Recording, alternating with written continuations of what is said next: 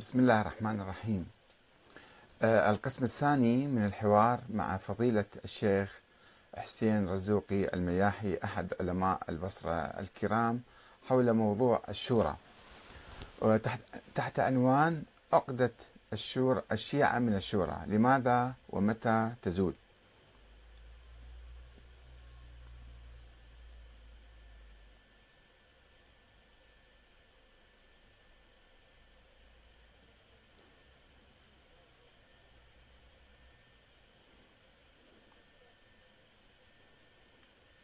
بعد قليل.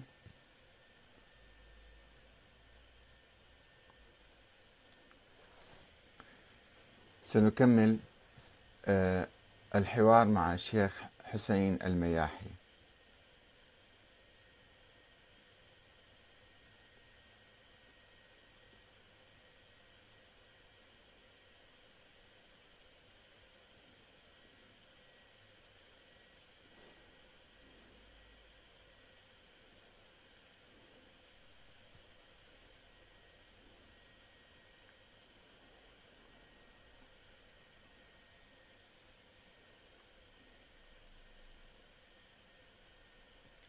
بسم الله الرحمن الرحيم. آه السلام عليكم أيها الأخوة الكرام ورحمة الله وبركاته. هذا هو القسم الثاني من الحوار مع فضيلة الشيخ حسين رزوقي المياحي أحد علماء البصرة الكرام. حول موضوع الشورى قدمنا في الحلقة آه السابقة نقده لنظرية الشورى ومطالبته بالأدلة القرآنية والنبوية والأحاديث على هذه النظرية. وقلنا وقلنا له بأن نظرية الشورى هي النظرية الوحيدة الموجودة اليوم التي يلتزم بها الشيعة قبل غيرهم.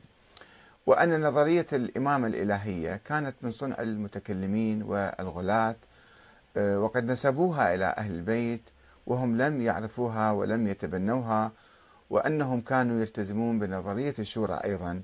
وأنه إذا حدثت أخطاء في تجربة الصحابة آه، في سقيفة بني ساعدة أو تعيين أبي بكر لعمر أو تعيين عمر لستة فقط من قريش. آه، هذه أخطاء يعني تطبيقية لا تعني أن نظرية الشورى نظرية باطلة. ونظرية الشورى لا تحتاج أن نستدل عليها بآيات من القرآن أو بأحاديث من النبي لأن الإسلام ترك الموضوع السياسي للناس. لم يتدخل في آه، وضع الدستور. وضع دستور الحكم من يحكم وكيف يحكم وكيف يأتي الحكم ومن ينتخبه وما هي صلاحية الناس وما هي علاقته بالمحكومين. كل مواضيع الدستور لم يتطرق إليها القرآن الكريم ولم يتحدث عنها النبي الأكرم لأنه تركها للظروف تركها للعقل الإنساني. الناس في كل زمان ومكان آه، آه، يكتبون دستورا خاصا بهم كما هو دستور إيران مثلا ودستور العراق يختلف. ودستور سوريا أو الجزائر أو تركيا أو باكستان أو أفغانستان كل واحد يختلف عن الآخر لأنه يلاحظ آه، الظروف والمعطيات الموجودة في ذلك البلد. فاذا نحن آه، نؤمن بنظرية الشورى لأنها نظرية عقلية، نظرية عرفية، إنسانية، كل العالم يؤمن بها، وإذا تعرضت هذه النظرية إلى تطبيق خاطئ في يوم من الأيام لا يعني أنه النظرية سقطت إلى الأبد وأنها محرمة وكذا وأن البديل عنها هو نظرية الإمامة الإلهية القائمة على العصمة والتعيين من الله. لأن هاي النظرية أيضا وهمية. نظرية وهمية خيالية ما لها أي أساس وقائمة على أساطير قائمة على معاجز وأساطير وعلم الغيب وملائكة تنزل على أئمة وما إلى ذلك. وكل هذا من أقوال الغلاة وليس من أقوال أهل البيت. ونحن بحاجة إلى تنقية تراث أهل البيت وتطوير النظام الديمقراطي أو الأنظمة الديمقراطية التي نعيشها اليوم. تطويرها بشكل أفضل حتى تؤتي أكلها بشكل أجود وأفضل. هذا كان موضوع القسم الأول من هذه الحلقة من الحوار مع فضيلة الشيخ حسين رزوقي المياحي. الآن نواصل الحديث الذي جرى بيننا يعني آه، منذ فترة حول بعض تفاصيل هذا الموضوع.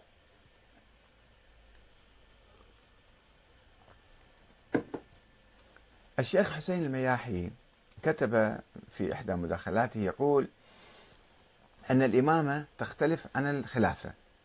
الخلافة هي السياسة والحكم وهذه يعني ممكن تكون بالشورى. أما الإمامة فهي امتداد للنبوة وشيء يشبه النبوة قريب من النبوة. وأن إمامة إلهية من الله. عين هؤلاء الأئمة الاثني عشر. وهي نظرية آه، السيد مرتضى العسكري في معالم المدرستين عندما فصل بين مفهوم الإمامة ومفهوم الخلافة. فأنا كتبت له آه، رد على ذلك ومحاولة توضيح الفكرة أنها نظرية الإمامة هي نفس الخلافة يعني عموما كلمة الإمامة. كلمة الإمامة تعني الخلافة أو شيء آخر. الإمامة شيء والخلافة شيء آخر. وأن الإمامة لا تعني فقط الحكم. الإمامة يمكن يكون يعني تنطوي على الحكم وقد لا تنطوي إنما هي شيء أكبر من مسألة الخلافة. وكان كتبت ما يلي وكان قد جرى بيني وبين الشيخ حسين المياحي حوار حول معنى الإمامة وهل يختلف هذا المعنى عن معنى الخلافة والحكم أم هما شيء واحد؟ فقلت له. شيخنا الفاضل حسين المياحي حفظه الله. التفريق بين الإمامة والخلافة أو الحكم تفريق حادث متأخر. وأول من قال به السيد مرتضى العسكري رحمة الله عليه في كتابه معالم المدرستين وهو تفريق غير صحيح لأن أساس الإمامة هو الحكم الأساس وليس العلم أو ما يشبه النبوة. فقد انقطع الوحي ولا يوجد لأحد بعد النبي علم إلهي. أو ارتباط بالسماء. ولسنا بحاجة إلى نبي جديد. الله سبحانه وتعالى ختم النبوة بمحمد. ونحن علينا أن نسلم ونطيع. وإنما نحن بحاجة من وفاة الرسول إلى آخر يوم في هذه الدنيا. نحن بحاجة إلى حاكم ينفذ الشريعة الإسلامية. وهو ما يطلق عليه الإمامة أو الخلافة أو الحكم أو الأمارة أو ما أي. ولا شيء آخر. ما في شيء يختلف عن هذا الشيء. وقد ادعى الإمامية بأن الإمامة مفسر للقرآن ومع ذلك لم يترك لنا أهل البيت أي تفسير للقرآن. وقال الغلاة بأن الملائكة تنزل عليهم ولديهم علم علم لدني مو اكتسابي يعني هو من, الله عنده علم. وهذا افتراء على الأئمة وعلى الإسلام والتشيع. ولذلك قال الغلاة بأن الأئمة أنبياء لما قالوا بأن الملائكة تنزل عليهم ويحصل لديهم علم لدني يعني أصبحوا أنبياء. وقال قسم من الغلاة بأن الأئمة أنبياء. وإذا عدت حضرتك وإذا أعدت حضرتك النظر في موضوع الإمامة ودرست الكتب الكلامية القديمة لوجدت بأن الجدل كان يدور حول الحكم ومن هو أحق بالحكم؟ وكيف يأتي الحاكم؟ وما هي صفاته؟ هذه يعني الإمامة. ولكن يبدو أن شبهة السيد مرتضى العسكري بالتفريق بين الإمامة والخلافة هي التي تمنعك من فهم الموضوع جيدا. فأجاب الشيخ حسين المياحي بما يلي. أخي الكاتب دعوى أن السيد العسكري هو أول من فرق بين الإمامة والخلافة غير صحيحة. بل هي خلاف الواقع تماما. فالإمامة عند الشيعة منذ القدم هي بمنزلة النبوة باستثناء الوحي طبعا. ولا تنحصر مهمة النبوة في الحكم كما هو واضح. كما أنه لم يقل أحد من الشيعة على الإطلاق أن إمامة علي عليه السلام أيام الخلفاء الثلاثة قد انتفت. وكذلك لم يقل أحد أن إمامته بدأت بعد مقتل عثمان أي بعد تسلمه مهام الحكم. ولم يقل أحد بانتفاء الإمامة عن الإمام الحسين الذي لم يصل للحكم قط. وهكذا في إمامة الصادق والباقر وسائر الأئمة. فالقول بإمامة المعصوم الإلهية من ضرورات المذهب الاثني عشري سواء تسنم الإمام المعصوم مقاليد الحكم أم لا. أضف إلى ذلك أن متكلمي الشيعة عبر التاريخ وقبل السيد العسكري بقرون كالمفيد والمرتضى مثلا لم يأخذوا بعد الحكم في الإمامة إلا من باب الأولوية والاستحقاق لا غير. وليس من باب الشرط إذ لم يشترط أحد من الشيعة في إمامة الإمام أن يكون حاكما كما هو الحال عند العامة. فأين هذا من ادعائكم أن أول من فرق بينهما هو السيد العسكري. وهل قسم السيد العسكري الاثني عشر إلى أئمة في زمان دون زمان بناء على توليهم مهام الحكم أو عدمه؟ ألم يكن السيد العسكري ذاته اثني عشريا يقول بإمامة اثني عشر إماما بغض النظر عن الحكم والسلطة؟ أخي الكريم أتمنى أن تكون أمينا في عرض وجهة النظر الشيعة في الإمامة.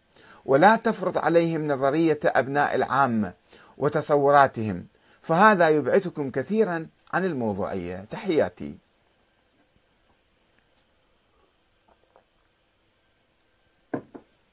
وكتبت إلى الشيخ حسين المياحي قائلا فضيلة الشيخ حسين المياحي حفظه الله. أرجو في البداية أن تشرح لي هذه المقولة. أن الأئمة بمنزلة الأنبياء إلا أنه لا يوحى لهم. ماذا تعني بها؟ هل هم بمنزلة الأنبياء من ناحية العلم أو الفضل عند الله أو الدور الفكري والثقافي والفقهي؟ وهل تقول أن لديهم علما جديدا لم يكن موجودا على عهد رسول الله صلى الله عليه وآله؟ وكيف يحصلون على هذا العلم؟ بالاكتساب والاجتهاد والتعلم أم من الله؟ بصورة غيبية. كالنكت في القلب وما شابه مثلا. وإذا كان جوابك هو الثاني فإنهم يعني بالعلم من الله فإنهم اذا لا يختلفون عن الأنبياء لأن علم الأنبياء لا يأتي دائما عبر الملك جبرائيل وإنما أحيانا عن طريق الرؤى والمنامات أو النقر في القلب أو النكت في الذهن.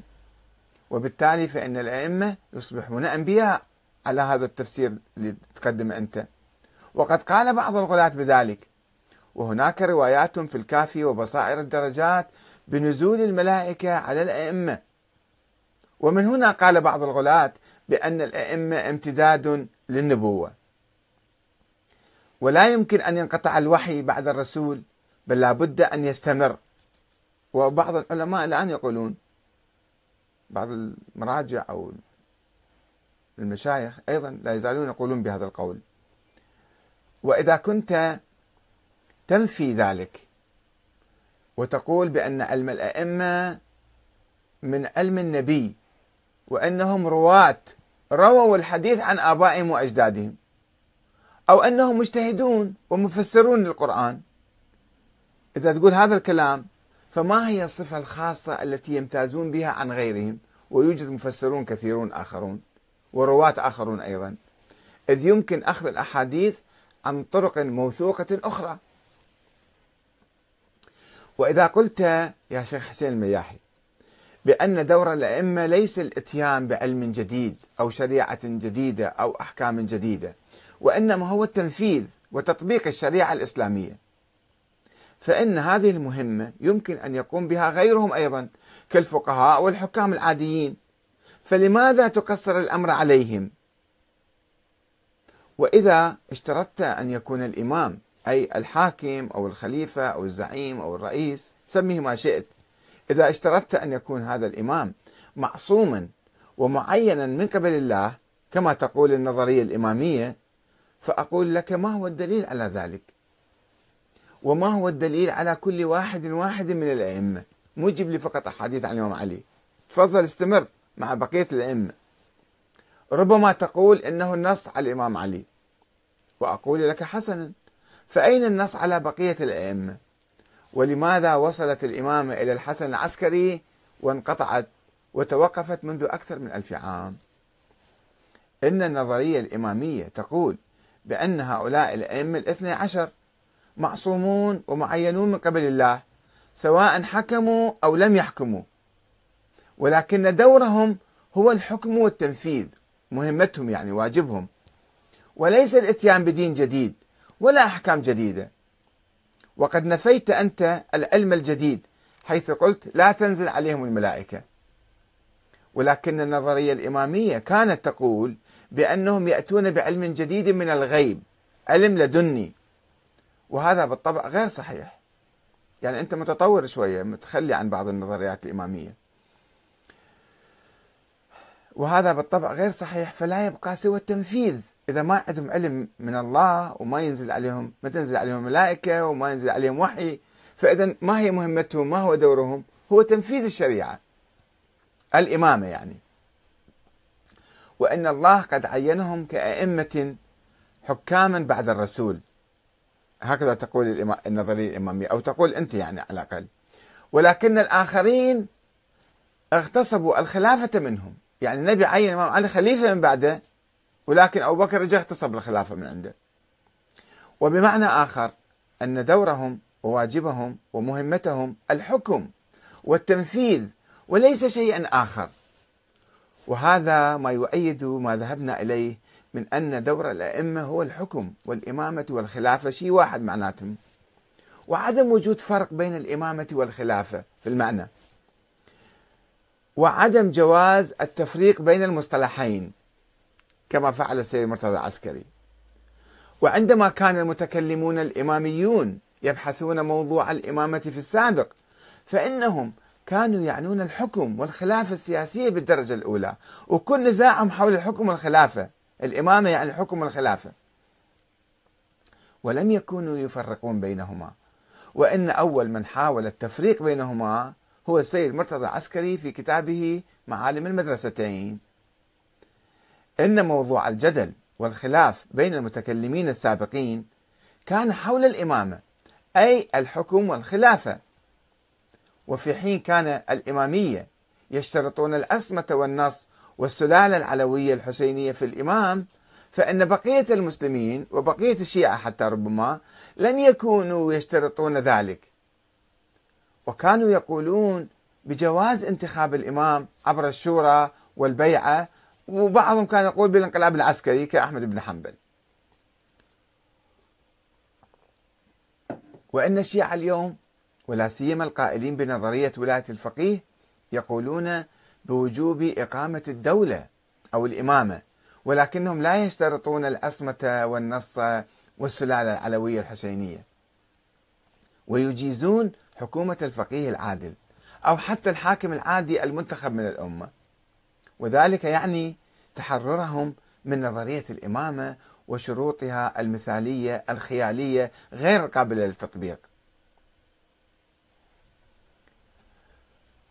وبعد أن كتبت هذا الرد يبدو أن الشيخ حسين المياحي لم يقرأ ما كتبت أو تجاهله وواصل تكرار مقولاته قائلا.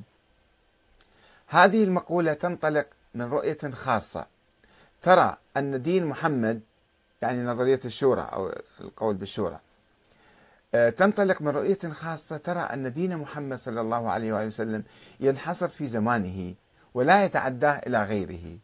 وبعبارة أخرى أن الإسلام لا يصلح للحياة المعاصرة فلا داعي للخلط والتمويه والخداع لأن هذه القضية شيء وقضية النبوة والإمامة الإلهية شيء آخر.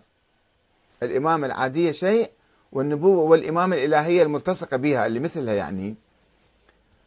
ويبدو أن أحمد الكاتب اكتشف أخيرا حجم الخطأ الذي ارتكبه على مدى عقود وهو جعل الحكم شرطا للإمامة. فلا يكون الإمام إماما حتى يكون حاكما كما خلط في قضية الحكم بين زمن حضور المعصوم وزمن غيبته. أما الديمقراطية فهي نظام حكم غربي له ما له وعليه ما عليه ولسنا ملزمين شرعا بتطبيقه واتباعه. فإما أن يكون النقاش سياسيا محضا بعيدا عن العقائد وإما أن يكون سياسيا منطلقا من نظرية الإسلام في الحكم. فيكفي خلطا الأوراق يا أحمد الكاتب. فأنت تتكلم أمام مفكرين كبار لا تستطيع خداعهم كما تخدع البسطاء. فكتبت أقول شيخنا الفاضل الشيخ حسين رزوقي المياحي حفظه الله. إن دين النبي محمد صلى الله عليه وسلم محفوظ في كتاب الله العزيز القرآن الكريم وهو مستمر إلى يوم القيامة. ولا يوجد فيه إشارة إلى مسألة الإمامة والحكم والخلافة فضلا عن الإمامة الإلهية أو اشتراط الأسمة والنص والوراثة في السلالة العلوية الحسينية. ما موجود في القرآن هذا الشيء؟ وإنما هذه أمور من اختلاق السياسيين والمتكلمين المتأخرين في القرن الثاني الهجري الذين اختلقوا نظرية الإمامة وافترضوا وجوب اشتراط الأسمة في الحاكم. أي حاكم يعني أول شيء؟ أول ما اختلقها هشام الحكم كان يتكلم عن مطلق الحاكم ما كان يتكلم عن الأئمة. ثم قالوا كيف نعرف المعصوم؟ فقالوا لابد أن يعينه الله. ثم قالوا لابد أن يعينه, يعينه الله في سلالة النبي من علي وفاطمة والحسين. ولم تكد نظريتهم تولد حتى أجهضت وسقطت لأن الإمام زين العابدين لم يوجد عليه أي نص ولا وصية. وكذلك الباقر والصادق. وعندما أشار الصادق إلى ابنه إسماعيل فمات في حياته عرف كثير من الشيعة بأن الإمامة ليست من الله لأنه لا يجوز على الله أن يعين إماما بعد إمام ثم يموت في حياة السابق. ورفض الفرقة آه،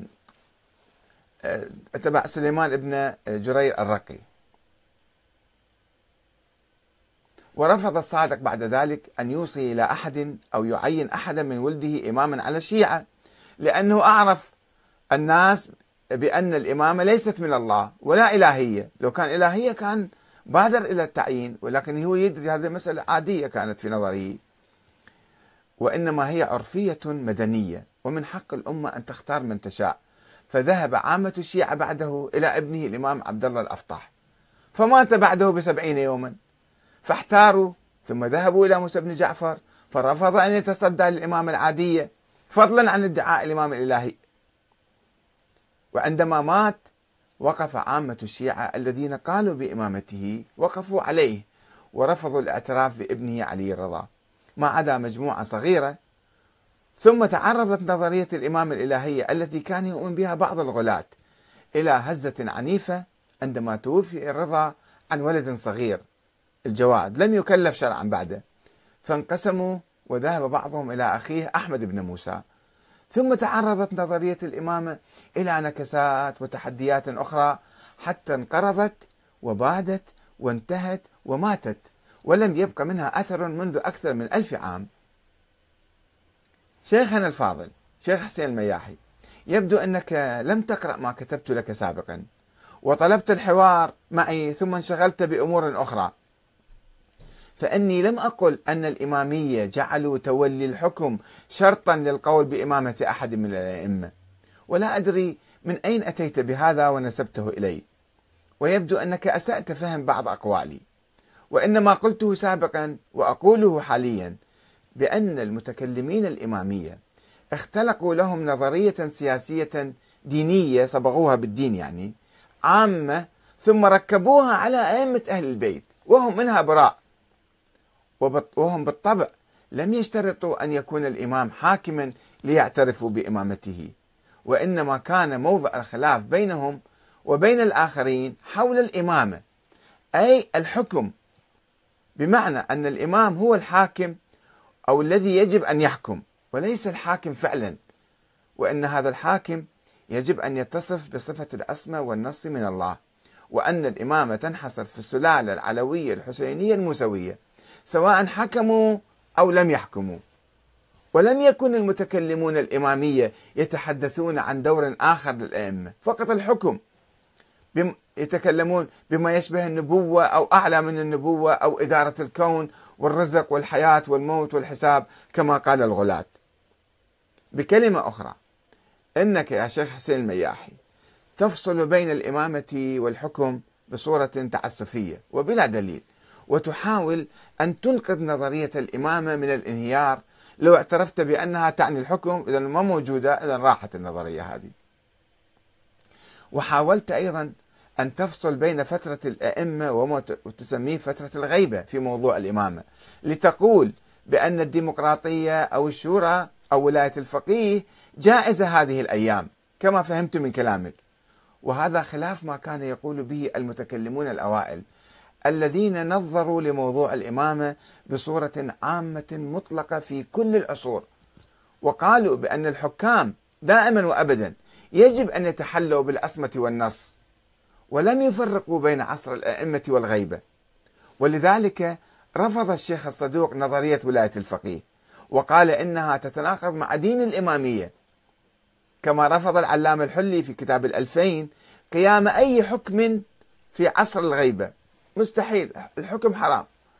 وذلك لأنه يعني جواز إقامة الحكم بدون شرط العصمة والنص. يعني إذا سوينا حكم الآن مثل ما حاليا موجود يعني الحاكم ما راح يصير معصوم وما راح يصير منصوص عليه من الله وهذا خلاف النظرية الإمامية. ولا أدري إذا كنت قد قرأت كتاب الألفين أم لا. وإذا لم تكن قد قرأته فأرجو منك المبادرة إلى قراءته بسرعة لكي تدرك أن لا فرق بين عصر الأئمة والغيبة ولا فرق بين الإمامة والحكم والخلافة. معناه كل واحد يدور حول الحكم. وأما الديمقراطية التي تقول عنها بأنها نظام غربي فهي نظرية مطورة عن الشورى وأساسها اختيار الناس للحاكم برضا منهم. ولكنها تمتاز في الفصل بين السلطات التشريعية والقضائية والتنفيذية وتحديد فترة الحكم بسنوات معدودة ولا تعارض بينها وبين الإسلام لأن الإسلام لم ينص على نظام سياسي معين. ولم يحرم الشورى ولم يجعل النظام السياسي دينيا. ولذلك قبلها المراجع قبلوا الديمقراطية قبلها المراجع الشيعة في إيران والعراق ولبنان وباكستان وأفغانستان وتركيا في كل مكان وحثوا الشيعة على المشاركة في الحياة الديمقراطية. هذا أيضا ما أجبته ولكن الشيخ يبدو يعني شوية بدأ ينفعل ويطلق اتهامات يعني عشوائية وغير دقيقة. آه، وعبرت عن ذلك. قلت يؤسفني في الأخير أن ألاحظ تدني الحوار مع الشيخ حسين المياحي إلى مستوى عاطفي انفعالي كما يلاحظ في المداخلات آه، التالية اللي سجلها في صفحتي. يعني أنت كذا أنت كذا أنت كذا. صار يطلق اتهامات يعني عشوائية بدون مسيطرة على أعصابه مع الأسف الشديد. وإحنا كنا نحاول أن أن نهتدي إلى فكر أهل البيت وإلى الفكر الإنساني المعقول الذي يمكن أن نبني حياتنا على ضوءه اللي هو الفكر الديمقراطي. وأن هاي التجربة اللي نعيشها اليوم هي خلت نظرية الإمامة وراءنا لأنها نظرية مثالية مستحيلة التطبيق ونظرية فاشلة ومنتهية يعني ومنسحبة من الساحة ولا يوجد الآن في ساحة الفكر السياسي إلا نظرية الشورى أو الديمقراطية. والسلام عليكم ورحمة الله وبركاته.